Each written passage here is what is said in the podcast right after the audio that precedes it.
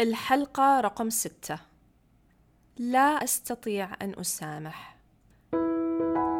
مهما كان شعورك مهما كانت معاناتك طبيعة علاقاتك حياتك أنت تقدر تعيش بسلام. في الحقيقة أنت تستحق العيش بسلام. معكم زهر النفيري أخصائية نفسية ومعالجة زوجية في بودكاست لأنك تستحق العيش بسلام. أهلا وسهلا جميعا فيكم في هذه الحلقة. اليوم راح أتكلم عن المسامحة. مسامحة الآخرين لما يخطئون بحقنا ويسببون لنا ضرر سواء صغير أو كبير. هو موضوع شوي شائك وعليه آراء كثيرة. السؤال اللي دائما نسمعه أن هل لازم نسامح الآخرين؟ في ناس يقولون اللي ما يسامح هذا إنسان حقود. أو ما عنده مرونة نفسية أو أنه مهم أن الواحد يطنش عشان يعيش وإلى آخره. الفكرة خلينا نجي قبل المسامحة. يعني خلينا نتأمل الموقف والأحداث اللي حصلت لنا اللي خلتنا الآن مش قادرين نسامح عليها. إيش الشيء اللي في وقتها هدد شعورنا بالهدوء والاستقرار؟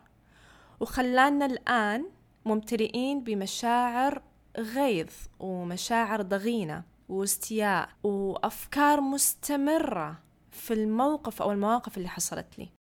حاليا نلاحظ أن قاعد تجينا مشاعر خوف وأحيانا رغبة بالانتقام برضو.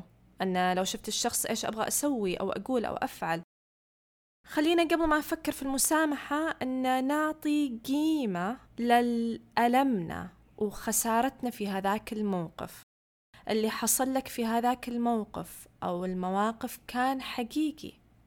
وما نقدر نقول لأي أحد لا عادي انسى وعديها. لأن كلنا نعرف أن مو صحيح نقدر بسهولة نعدي ومهم لما يحصل لنا شيء ونحس أنه هو مأثر علينا أن نستوعب ونتقبل أن اللي حصل ما كان سهل علينا أبدا. ونتعاطف مع أنفسنا ونطبطب على ذاتنا.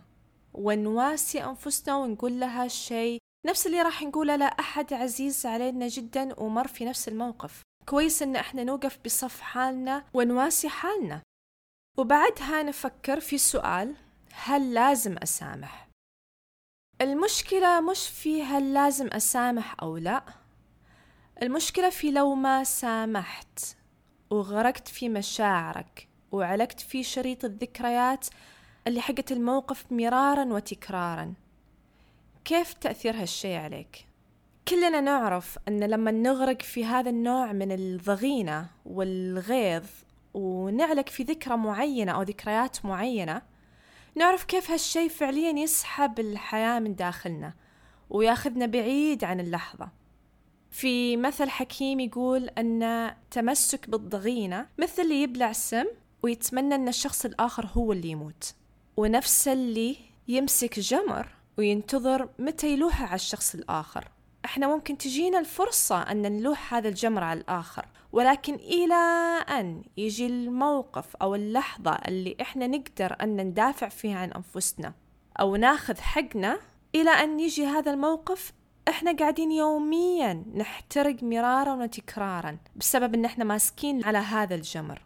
لذلك مهم إيوه إن إحنا نسامح مش علشان الآخرين علشان أنفسنا لأن أنفسنا تستحق إن ما نحرقها ونموتها بهذه الطريقة ونستحق إن نعطيها الراحة والهدوء. طيب كيف نسامح؟ هنا هذا برضو نقطة ثانية يخلي هذا الموضوع شوي عليه آراء كثيرة. في ناس تقول لازم نتكلم مع الشخص الآخر عن اللي حصل عشان نقدر نسامح. وناس تقول إن لازم نتكلم مع الشخص الآخر ولا كأنه شيء صار. نتكلم معاه عادي ما نتكلم حتى عن اللي حصل. وفي طبعا ناس تقول إن لازم هدفنا في الحياة أن ننسى هذه المواقف ونطنش ونعيش اللحظة.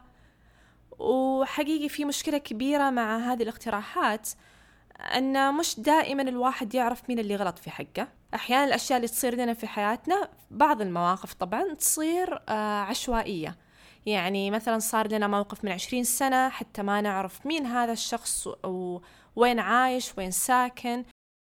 أحيانا نعرف مين اللي غلط بحقنا بس ما نبغى نتكلم معاهم ولا نبغى مثلا نسوي علاقات معاهم. والأكيد طبعا أن ما في شيء اسمه أن ننسى الموقف. عقلنا ما راح يسمح أن ننسى مواقف زي كذا.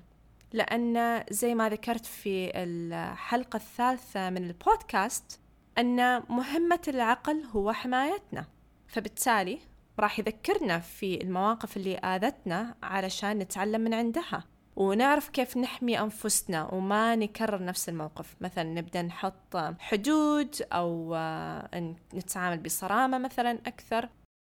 فنرجع مرة ثانية للسؤال طيب كيف أسامح؟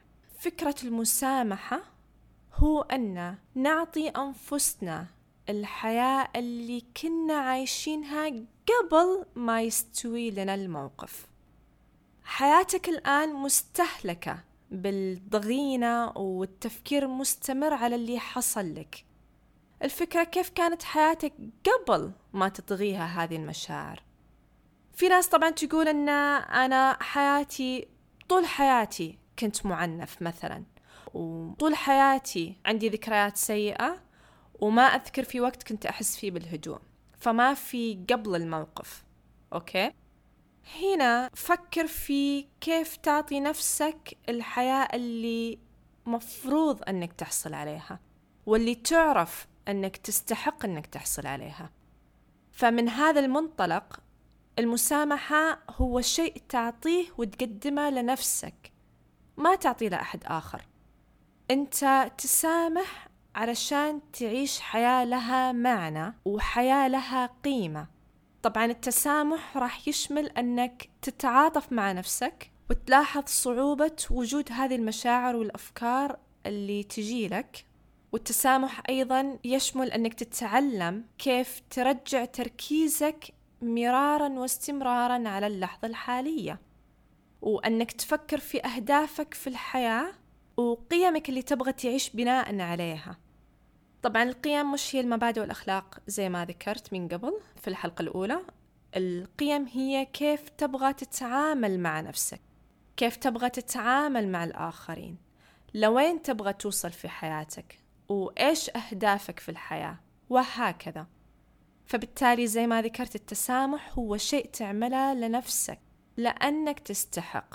أنت تستحق أنك تعيش حياة لها وزنها ولها قيمتها. ما تكون حياتك مكرسة فقط بذكريات ومشاعر من الماضي وبسبب أشخاص آخرين هم قاعدين يعيشون حياتهم.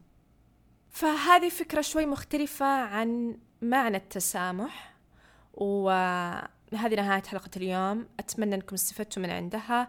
أتمنى للجميع راحة البال وحياة فيها طمأنينة وهدوء نفسي. شكرا لاستماعكم ويومكم سعيد جميعا. أنهينا حلقة من بودكاست لأنك تستحق العيش بسلام.